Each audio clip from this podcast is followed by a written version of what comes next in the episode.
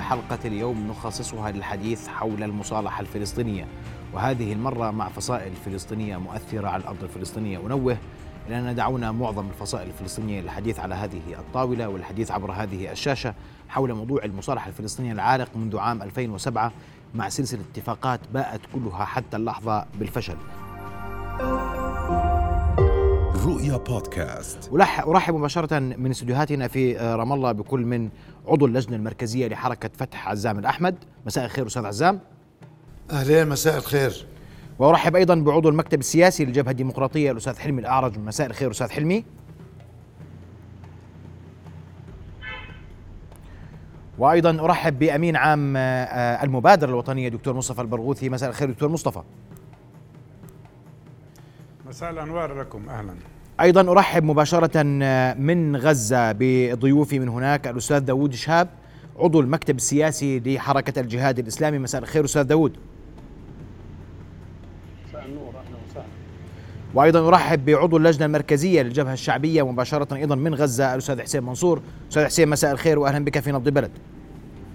مساء الخير عضو المكتب السياسي تعديل. أهلا بك أستاذ حسين. أبدأ حواري بضيوفي من رام الله ومباشرة مع الأستاذ عزام. أستاذ عزام من 2007 لليوم 25 سنة والانقسام الفلسطيني مستمر وكأنه يزداد بعدا. أين وصلت حوارات المصالحة؟ يعني هو 2007 أقل من 25 سنة رغم إنه برضه 15 سنة مش مش قليلة. مش شوي.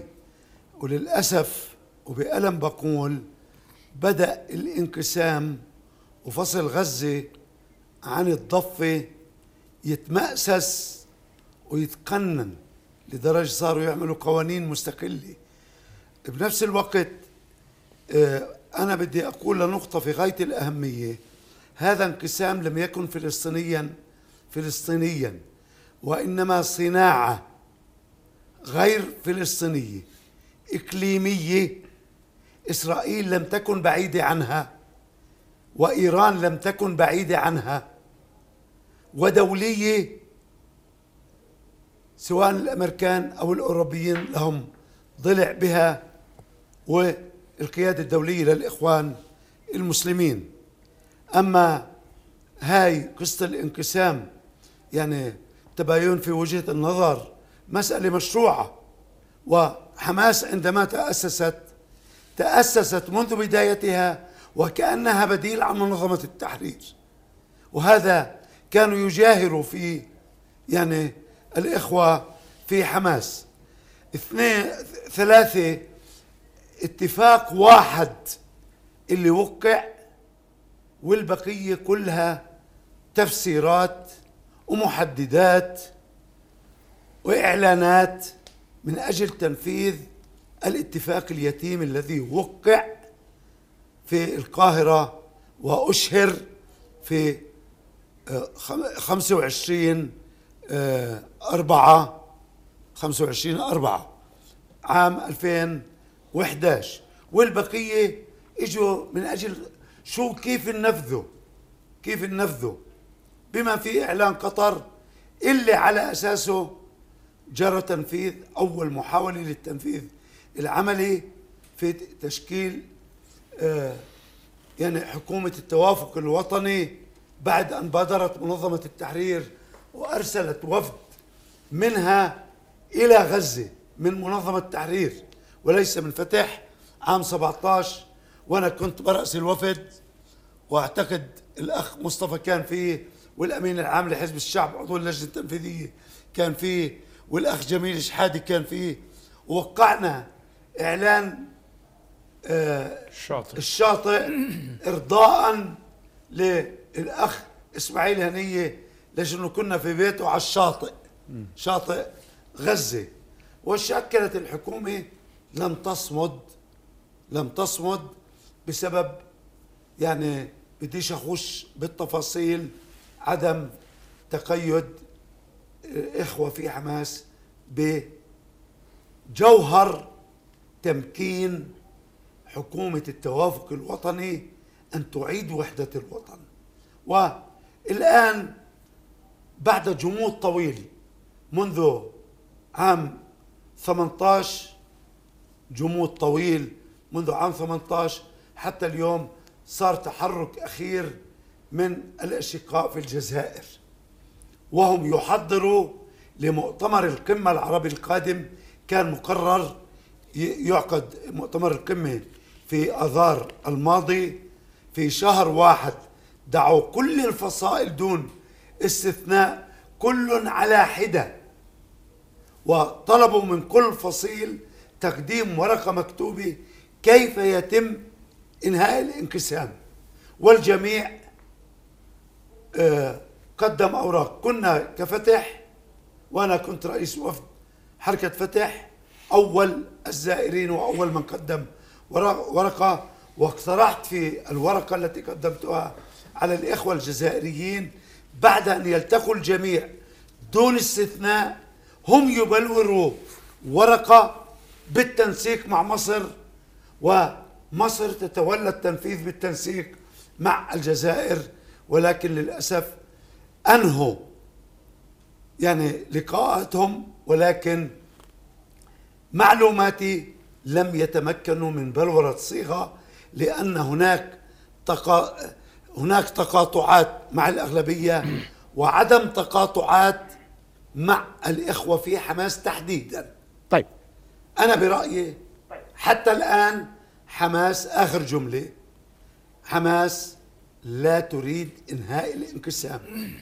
ومستمرة في تجذير الانقسام في غزة وفصل ومؤخرا فرض الضرائب على البضائع الذاهبة إلى غزة من الضفة وكأن الضفة دولة أجنبية وغزة دولة أجنبية أخرى وهذا حتى أهل غزة وكل رجال الأعمال في غزة كلهم أصدروا بيانات رفضوا هذا المنطق الذي أقدمت عليه حماس الذي يقنن ويجذر ويعمق الانقسام طيب. أنا سأنوه فقط إلى أننا حاولنا التواصل مع حركة حماس آه، في قطاع غزة في تركيا في قطر وفي سوريا للحضور والتمثيل في هذه الحلقة إلا أن كل محاولاتنا آه، باءت أو رد عليها بالاعتذار عن المشاركة وعن الحديث في المصالحة الفلسطينية. وهون أنتقل لك آه، أستاذ حلمي وأسمع وجهة نظرك بما سمعت. وهل فعلا حماس هي المسؤول عن المصالحة الفلسطينية؟ وهل فعلا اليوم مصلحة فلسطين كل فلسطين مصلحة الشعب الفلسطيني كل الشعب الفلسطيني مرهون بيد حركتي فتح وحماس؟ يعني المصالحة وبناء الوحدة الوطنية وإنهاء الانقسام هي ضرورة وطنية ملحة في كل الوقت وخاصة في ظروف شعبنا الفلسطيني في الذي يخوض نضال تحرري ضد هذا الاحتلال حيث قانون الانتصار في كل الثورات آه، بتجارب الشعوب هي بالوحدة الوطنية. وبالتالي نحن أحوج ما نكون لهذه الوحدة الوطنية حتى تشكل رافعة للنضال لهزيمة الاحتلال وكل المشاريع التصفوية المطروحة من أي جهة كانت بما في ذلك من الإدارة آه، الأمريكية.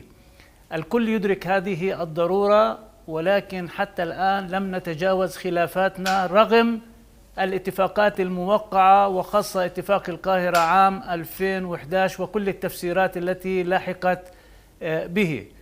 وهذا آه، بالضرورة هو تعبير عن مصالح حزبية وفئوية وربما طبقية ولم نصل إلى الآن حتى بالجهات التي آه، أدارت هذا الحوار الفلسطيني الفلسطيني مشكورة سواء مصر أو الجزائر أو أي قطر عربي آخر ولم يعني يأتوا إلى آه، آه، مرحلة تحميل المسؤولية لأي طرف من الأطراف.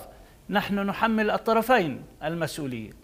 اولا المسؤولية المباشرة كانت وما زالت على حركة حماس هي المسؤولة عن الانقسام والانقلاب العسكري في قطاع غزة. ولكن إذا بقينا نقول أن حماس هي المسؤولة ولا نريد انهاء هذا الانقسام تحت هذا الشعار معناته الوحدة الوطنية لن تتحقق ومصالح المشروعه والوطنية والتاريخية للشعب الفلسطيني ستكون بعيدة المنال. النقطة التي أشار إليها الأخ عزام بالإمكان أن يطرح الرئيس أبو مازن وحركة فتح آه، آه، خطة آه، مسار واضحة للخروج من هذا الانقسام حتى تتحمل حماس بشكل مباشر المسؤولية أمام الشعب الفلسطيني. الجبهة الديمقراطية بادرت في 16 واحد من هذا العام بتقديم مبادرة واضحة وملموسة ومحددة تخرج الحالة الفلسطينية من الأزمة وسارت بالتوازي ما بين وحدة منظمة التحرير الفلسطينية وإصلاحها وتوسيعها بحيث تستوعب حماس والجهاد الإسلامي وتوحيد يعني السلطة الفلسطينية في الضفة والقطاع عبر الحوار الوطني آه، الشامل وتشكيل حكومة الوحدة الوطنية. بمعنى تكون لدينا لجنة تنفيذية تمثل الجميع وحكومة وحدة وطنية تمثل الجميع.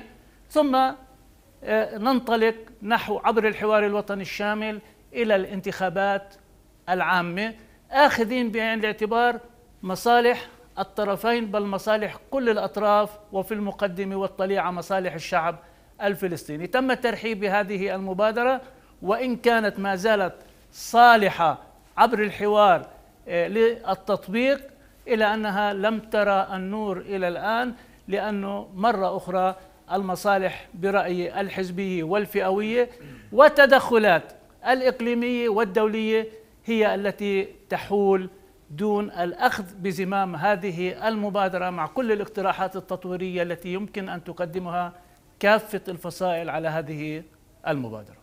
طب دكتور دكتور دكتور مصطفى اسمح لي آه، أنا بحكي اليوم عندما تطالع آه، التفاهمات والاتفاقات ما بين حركتي فتح وحماس لحل آه، هذا النزاع الفلسطيني الفلسطيني وهذا الانقسام الفلسطيني الفلسطيني بتوه لأنك بتقرأ من شهر 2 2007 و2008 و2009 و2010 و2011 ومرتين في 2012 ومرتين في 2014 و2016 و2017 تقرأ فيما تقرأ بين السطور أن هناك الكثير من اللقاءات دون جدوى. والبعض يقول ايا كان المسؤول عن هذه الحالة اليوم الأزمة الأكبر هي أزمة القضية الفلسطينية. فإلى متى سيبقى الفلسطينيون يقبلون بما يحدث اليوم في المشهد؟ الشعب الفلسطيني لا يقبل وهو غير قابل لهذا الوضع وبالتالي هو غاضب غاضب على استمرار حالة الانقسام. هذا هو الواقع. وأنا دائما بقول نحن لا نريد أن ينتهي الأمر بنا بعد عقود من الزمان أن تأتي الأجيال الجديدة والشابة وتقول هؤلاء يعني كل القيادات بغض النظر عمن تنتمي إليه أساءوا لقضيتنا الفلسطينية باستمرار هذه الحالة اللي موجودة حاليا. مثل ما إحنا بنحكي على القيادات اللي في الثمانية وأربعين فشلت. فلذلك المسؤولية التاريخية كبيرة ومسؤولية كبيرة على الجميع.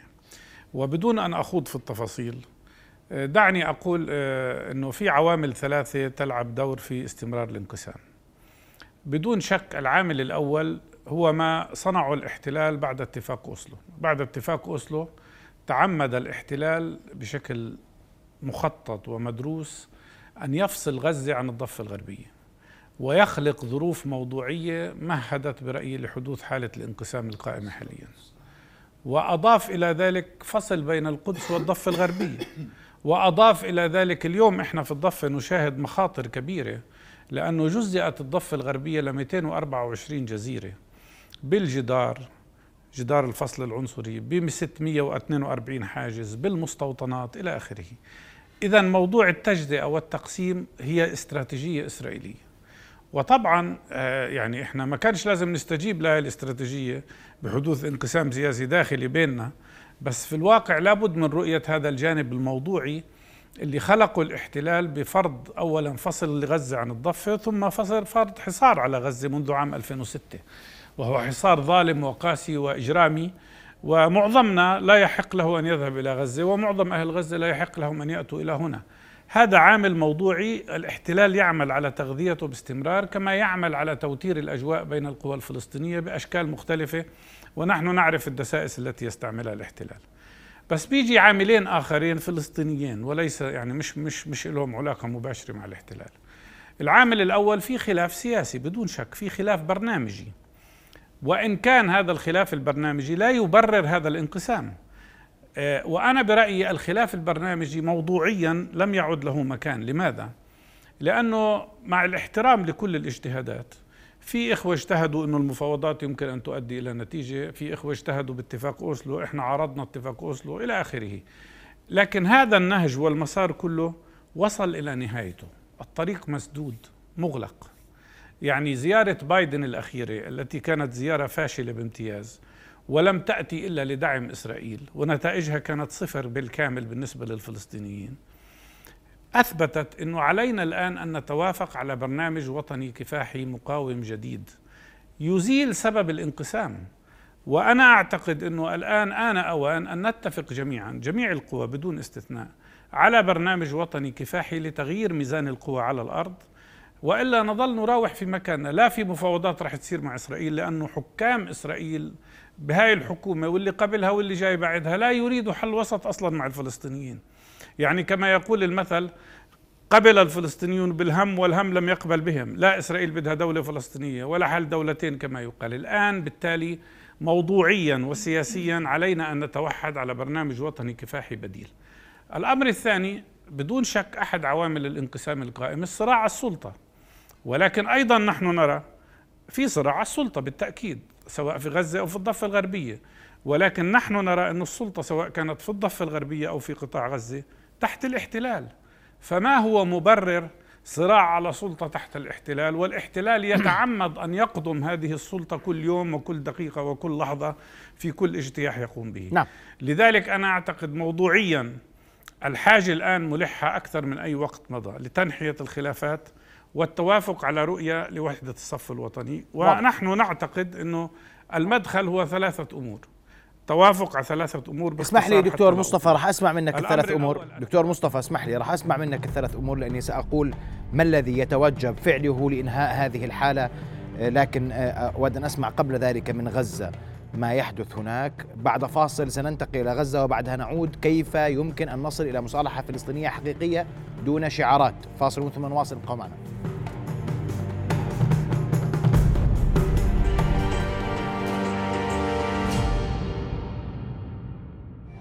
نواصل حلقة الليلة حول المصالحة الفلسطينية وأنتقل مباشرة إلى غزة وأرحب بضيفي الأستاذ داود شهاب عضو المكتب السياسي للجهاد الإسلامي. أستاذ داود وبدي أسمع وجهة نظرك اليوم.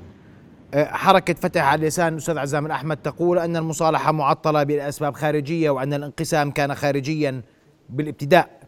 والأستاذ حلمي الأعرج يقول أن كل المبادرات لم تلقى آذانا صاغية ودكتور مصطفى البرغوثي يقول أن الحاجة ملحة اليوم أكثر من أي وقت مضى. لمصالحة فلسطينية ترتكز على كفاح قادر على تغيير الموازين على الأرض. شوف آه، أولا الموضوع الفلسطيني بات الآن موضوع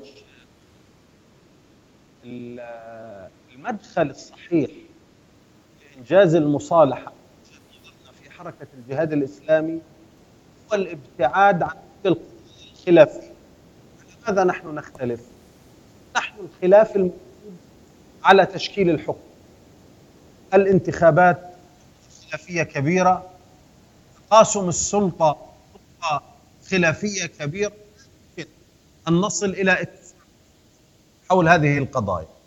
ما الذي يمكن أن نصل إلى اتفاق حول الكلام اللي تفضل فيه الدكتور مصطفى برغوثي هذا مدخل مهم أساسي يمكن من خلاله أن نتوصل اتفاق فورا للمصالحة وأنا أعود جميعا إلى شاهد مهم على ذلك وهو اجتماع الأمناء العامين انعقد في بيروت ورام الله تزامن بين ورام الله عندما جرى مناقشة مواجهة الاحتلال وآليات مواجهة الاحتلال كان هناك اتفاق الاجتماع على كل القضايا المتعلقة بمواجهة الاحتلال. لماذا يا إخوان؟ لأنه نحن شعب يعيش تحت الاحتلال. والدكتور مصطفى سلط الضوء على بعض الجوانب من المعاناه الفلسطينية اليومية بفعل وجود الاحتلال. وهذا الذي يفرض علينا جميعا كفلسطينيين أن نتوحد في مواجهته والتصدي له. الرهان على مشروع التسوية رهان انتهى. ولم يعد هناك أساسا مشروع تسوية قائم. كل ما هناك اليوم القائم إنه إسرائيل يعني بتسلي الفلسطينيين شوية ببعض التسهيلات هنا وهناك. هيك صار اليوم المشروع السياسي الفلسطيني للأسف عنوانه التسهيلات. هذا أمر يجب أن نرفضه بالجملة. والكل الفلسطيني يجمع على رفضه. والبديل هو مواجهة إسرائيل. وأنا سأضرب مثال صغير نموذج شاهد على ما نقول. اليوم الحالة الفلسطينية التي تتوحد كلها على مواجهة الاحتلال في جنين وفي نابلس. المقاومة المتصاعدة هناك تثبت بأنه لا خيار لوحدة الفلسطينيين لا سبيل لوحدة الشعب الفلسطيني ولوحدة القوى الفلسطينية إلا خيار المقاومة وخيار المواجهة. لو اجينا نناقش موضوع الحكومة مئة سنة لن نصل إلى اتفاق. لو جئنا نناقش لماذا؟ لأنه حكومة بلا سيادة وسلطة بلا سيادة. وهذا مش كلامي هذا كلام قاله الأخ أبو مازن في أكثر من مرة وفي أكثر من تصريح وفي أكثر من خطاب. كل هذه القضايا اللي إحنا بنيجي بنناقشها موضوع الحكومة وموضوع الانتخابات لا نصل فيه إلى اتفاق ولن نصل فيه إلى اتفاق. لأنه إحنا نأتي لمناقشة يعني كمن يضع العربه أمام الحصان. يا إخواننا إحنا ليست قضيتنا وليست اليوم يعني أولوياتنا هو كيف نتقاسم حكومة حكومة ليس لها صلاحيات في غزة ولا تستطيع ممارسة دورها في غزة والاحتلال بيمنعها وقت ما بده أن تأتي إلى غزة وبالمثل كمان في ما الذي يجري؟ لو كان رئيس الوزراء من غزة مثلا لن يستطيع أن يصل إلى الضفة. ولو كان رئيس الوزراء من الضفة لن يستطيع أن يصل إلى غزة. لكن ما نستطيع أن نتفق عليه خلال جلسة أقل من نصف ساعة هو كيف ندير المواجهة مع الاحتلال.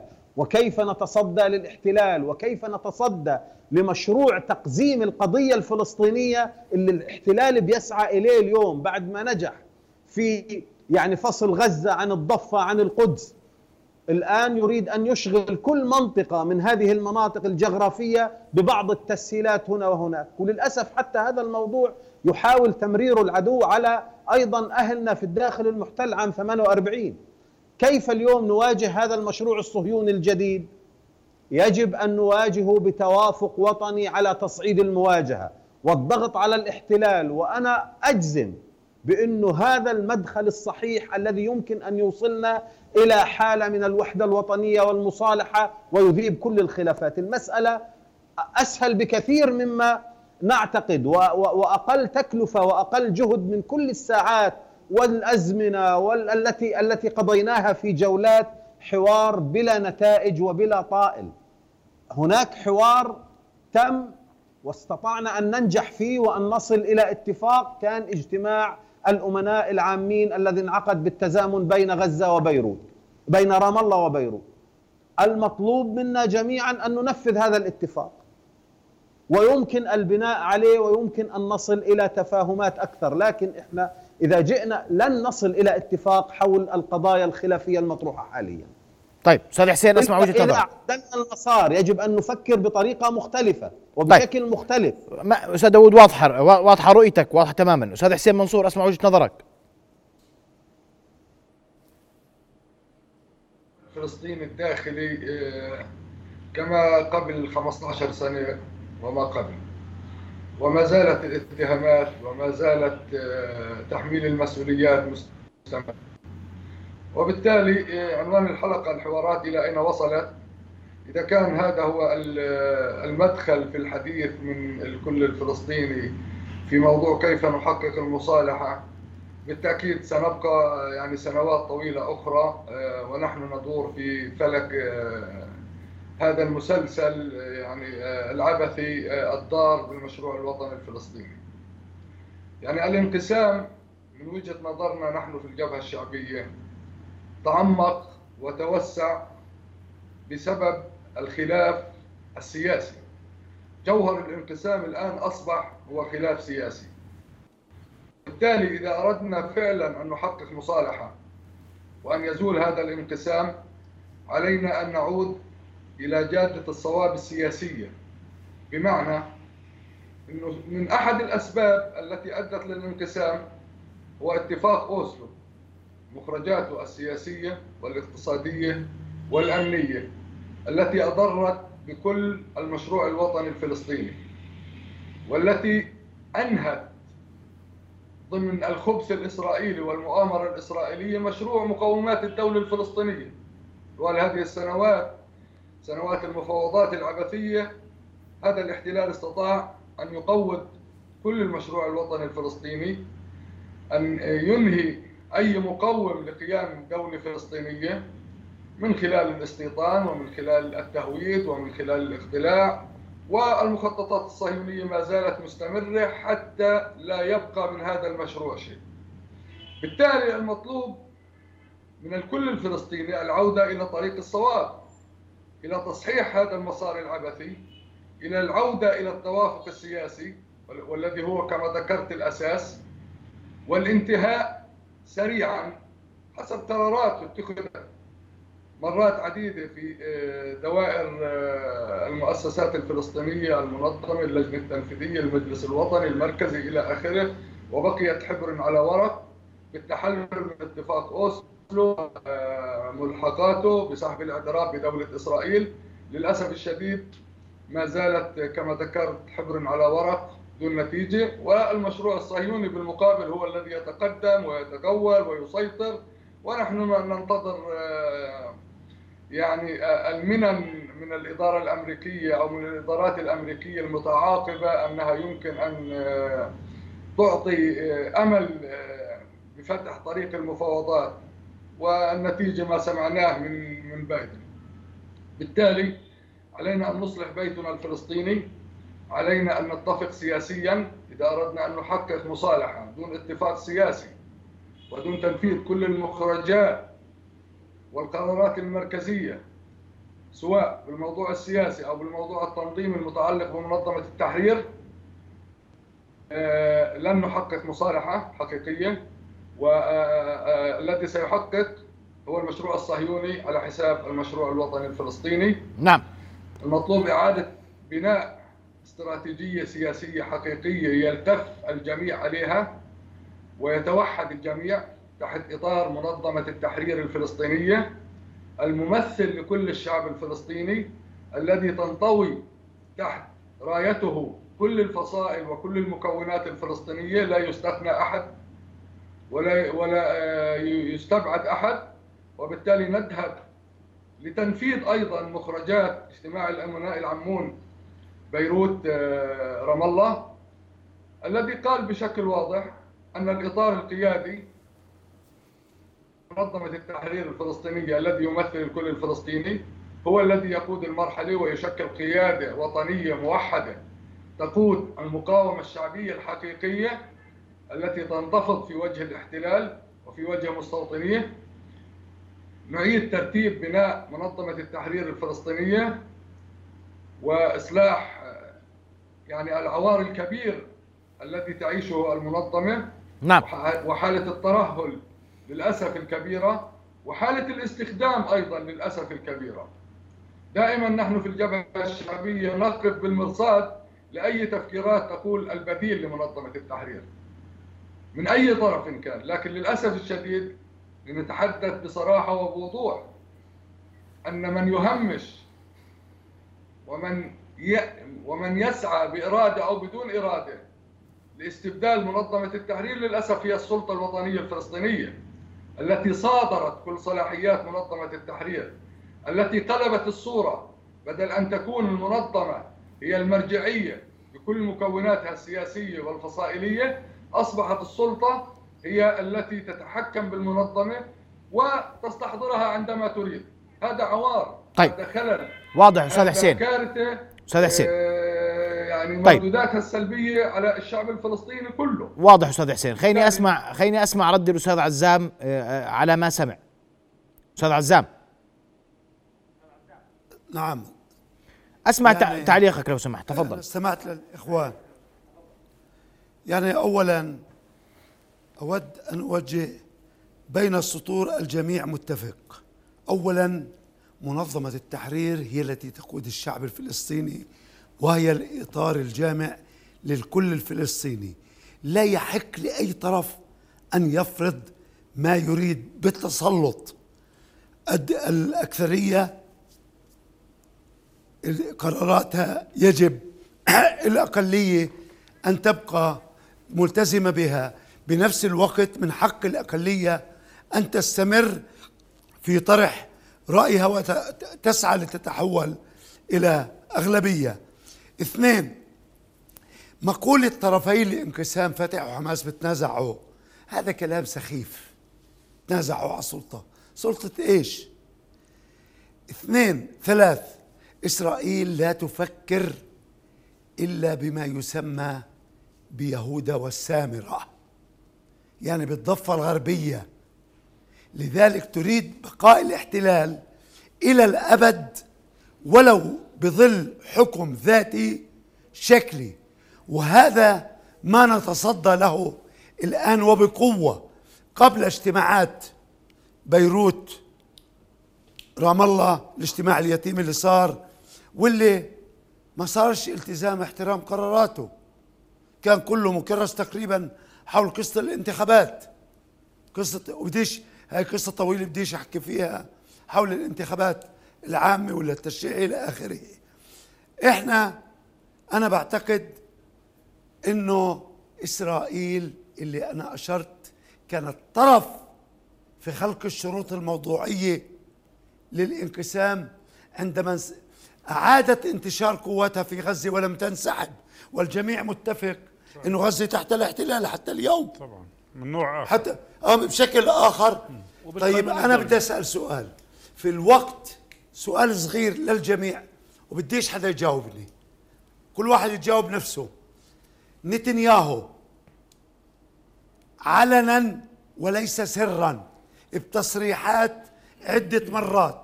كان يقول عندما اختلف مع بنت وليبرمان حول نقل الأموال إلى حماس عبر مطار بن غوريون بالشنط. وقال بالحرف الواحد عدة مرات. يعمل بذلك حتى لا يحصل انفجار في غزة في وجه حماس وينتهي الانقسام لأنه يريد أن يمنع قيام دولة فلسطينية اللي هي أساسها الضفة الغربية والقدس. أساسها الضفة الغربية والقدس. بدك هسه طرحوا مشروع آه، مطار رامون عبارة عن مدرج بجنب غزة في النقب في آخر النقب. مظبوط ليه ومرة مينا عائم يروح عبر قبرص على تركيا. يعني طيب في الوقت اللي أموال السلطة الفلسطينية تحجز من قبل إسرائيل شهريا أموال الشهداء أموال المقاصة أموالنا تحجز والعالم كله تدخل وإسرائيل مستمرة بقيمها. أليس هذا يكفي أنه قضية الانقسام؟ إسرائيل حريصة عليها حريصة على استمرارها. فتح وقعت يا أخي حلمي اللي إحنا والديمقراطية عمرنا ما اختلفنا. أول مرة بسمع إنه في عندكم مبادرات وما حداش استجاب لها يبدو. ليش ما حداش مبين شو ولا حدا. يعني هسه أنا والله إذا قريت ناسي. طيب آه شو اسمه؟ الآن فتح وقعت اتفاق المصالحة رغم عدم قناعتها ببعض بنوده في تسع في 15 10 2009 حماس لم توقع إلا عام 2011 على نفس على نفس المشروع اللي أعدته مصر. ورغم خلافنا مع مصر في حينها حول بند بتعلق في الأمن بس وقعنا. أمريكا حاولت تمنعنا. نوقع ما قدرتش أبو مازن قال لهم لمتشل أموال الدنيا لا تساوي وحدة شعبنا. وبالتالي فتح هي دائما المبادرة في قضية الحوار والمصالحة. والآن حتى حوار خلي الشعب يفهم. الإخوان في حماس بيمتنعوا عنه حرين. الآن نحن نركز أيضا على وحدة فصائل منظمة التحرير الفلسطينية في إطار منظمة التحرير. مش دور مصطفى يزعل ولا عزام يزعل ما يعجبوش يقول بديش أحضر الاجتماع. يعني مش هيك ما بيطلع لك أنت تفرض علي ولا أنت أو أنا أفرض على حلمي. تيجي الناس تحضر الاجتماعات وبتناقش وبتعطي رأيها وبتأخذ وبنتوصل لنتيجة إما بالإجماع أو بالأغلبية. أما أكيد مش بالأقلية. أكيد. لذلك يعني كمان منظمة التحرير بيتم بنائها مش بعفي حالي ببعد وبدي إياها الأكل جاهزة. ما عليش مسؤولية. المقاومة الشعبية القيادة الوطنية موجودة. من أول ما تم إقرارها موجودة. وبترأسها الأخ محمود العالول والفصائل التي تشارك أول اجتماع لها كل الفصائل شاركت دون استثناء. ما عدا حماس سمت اسم ممثلها بس ما جاش شارك في الاجتماع. ولا يشارك في كل فعاليات المقاومة الشعبية اللي انتشرت منذ تشكيل هذه القيادة بسبب تصرفات إسرائيل يعني طيب. انتشرت في كل أنحاء الضفة الغربية في كل أنحاء الضفة الغربية والقدس واضح. ولم تتوقف مش مش موسمية ومن هين بقول نعزز وضع منظمة التحرير وحدة فصائل منظمة التحرير وأيضا البرنامج السياسي هو نفسه حل الدولتين إقامة دولة على أراضي 67 حماس عدلت ميثاقها. عام 17 والأخ خالد مشعل في حينه على السي إن إن أهدى هذا التعديل للإدارة الأمريكية مش للقيادة الفلسطينية. والكل بيعرف وعدل الميثاق. إحنا مع حل الدولتين بس ما عدلنا مواثيقنا طيب ومبادئنا واضح أستاذ عزام أستاذ عزام. واضح أستاذ عزام اسمح لي. بعد فاصل ساواصل حواري وضيوف الكرام وبدي أسمع منكم بعجالة انت كرمتم الضيوف الكرام. في آه، في رام الله وفي غزة ما المطلوب اليوم بنقاط واضحة حتى نصل لمصالحة حقيقية يكفينا إضاعة في القضية الفلسطينية. فاصل ثم نواصل ابقوا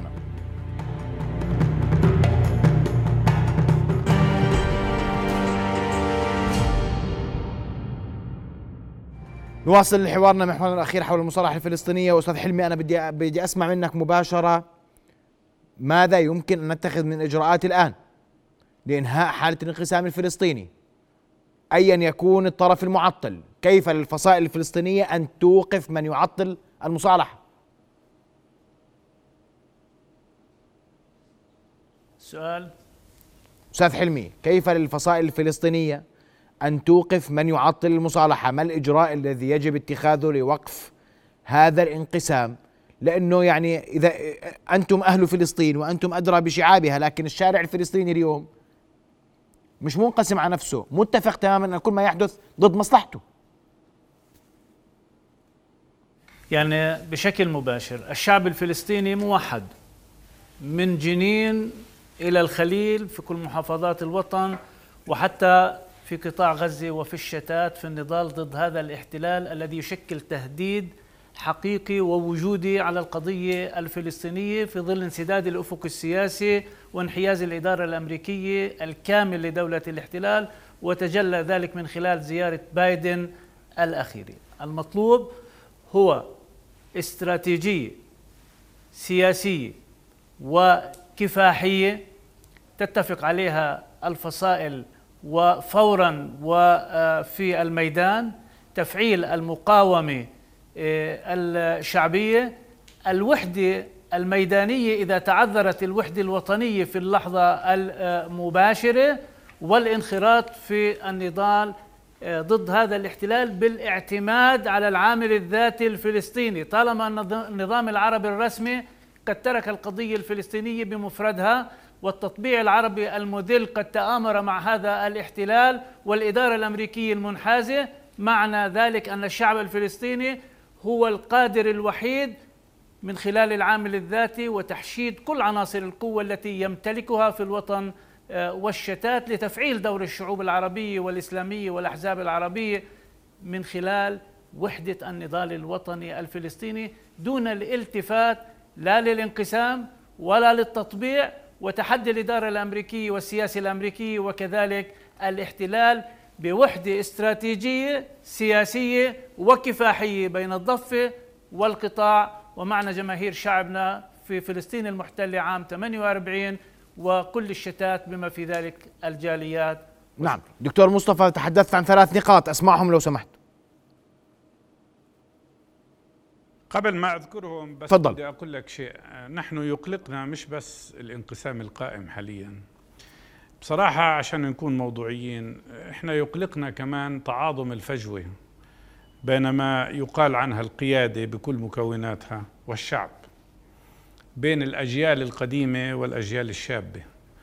آه، هاي تناقضات خطر تتطور. وهذه الأزمة طبعا القائمة حاليا في الساحة الفلسطينية لا يمكن ردمها بدون اتخاذ إجراءات جدية. آه، لأنه في نهاية المطاف كما نحن جميعا متفقين المستفيد الأول والأخير من حالة الانقسام أو أكثر المستفيدين هو الاحتلال واستمرار عملية التنكيل بالشعب الفلسطيني. لذلك إحنا بدنا إجراءات مش بس لإنهاء الانقسام بين فتح وحماس. إحنا بدنا إجراءات لإنهاء كل حالات التخلخل والانقسامات والصراعات التي تدور والمشاكل اللي بنسمع عنها هنا وهناك والتي يغذيها الاحتلال. لذلك إحنا برأينا بكل تواضع آه، هناك ثلاث آه، خطوات يجب أن تتم إذا أردنا فعلا أن نصل إلى مستوى راقي من الوحدة الوطنية. الخطوة الأولى التوافق على برنامج وطني كفاحي وهو ما حدا بيفرض على هذا. هذا يجب أن يكون برنامج يتفق عليه الجميع على قاعدة من الحد الأدنى المشترك لكيف نخوض نضالنا وكفاحنا لأنه بدون تغيير ميزان القوى ما راح يحدث شيء لا بالمفاوضات ولا بغير المفاوضات.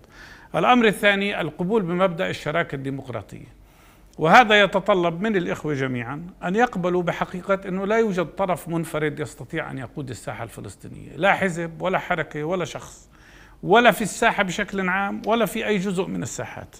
وهذا معنى الشراكة الديمقراطية قبول الآخر والاستعداد للاستماع له، لكن من هو الحكم في نهاية المطاف؟ أنا برأيي الأزمة السياسية الداخلية الفلسطينية بما فيها الانقسام لا يمكن أن تعالج إلا بإعادة الحق للشعب في الانتخاب الحر الديمقراطي سواء للمجلس الوطني الفلسطيني أو للمجلس التشريعي الفلسطيني. ونحن نرى الآن مظاهر أزمة عميقة مع المحامين وغيرهم بسبب عدم وجود سلطة تشريعية مستقلة. ما فيش سلطة تشريعية. وثالثا انتخابات طبعا الرئاسة. أ- وطبعا نحن هنا متفقون. لا يمكن أن نقبل الانتخابات دون أن تشمل القدس. كيف تشمل القدس؟ هذا أمر نتفق عليه. ولا نسمح للاحتلال بأن ينفرد بالقرار. نعم. هاي العناصر الثلاث البرنامج الوطني الكفاحي الشراكة الديمقراطية وحق الشعب الفلسطيني في إجراء الانتخابات من شأنها أن تردم الهوة الكبيرة التي تتعاظم يوميا والتي يمكن أن تؤثر على مستقبل نضالنا. بس أنا بحب أقترح شيء آخر كمان. بعجالة أرجوك تفضل. وهذا رأينا مش رأيي يعني مش رأيي المنفرد باختصار. أنا رأيي كل البرنامج الوطني الفلسطيني يجب أن يراجع. الاستمرار في الحديث عن حل الدولتين ونحن نرى إسرائيل تقبر حل الدولتين أمر يحتاج إلى مراجعة. وبعد كل التقارير التي صدرت عالميا وأشارت إلى نظام الأبرتايد والتمييز العنصري اللي بيشمل الفلسطينيين مش بس في الأراضي المحتلة وإنما في الخارج وفي الداخل أيضا. لابد من مراجعة تقول وهذا للنقاش تقول أننا هدفنا ليس فقط إنهاء الاحتلال بل هدفنا يجب أن يتسع ويكبر ليكون مش بس إسقاط الاحتلال وإنما إنهاء نظام الأبرتايد والتمييز العنصري الإسرائيلي في كل فلسطين التاريخية.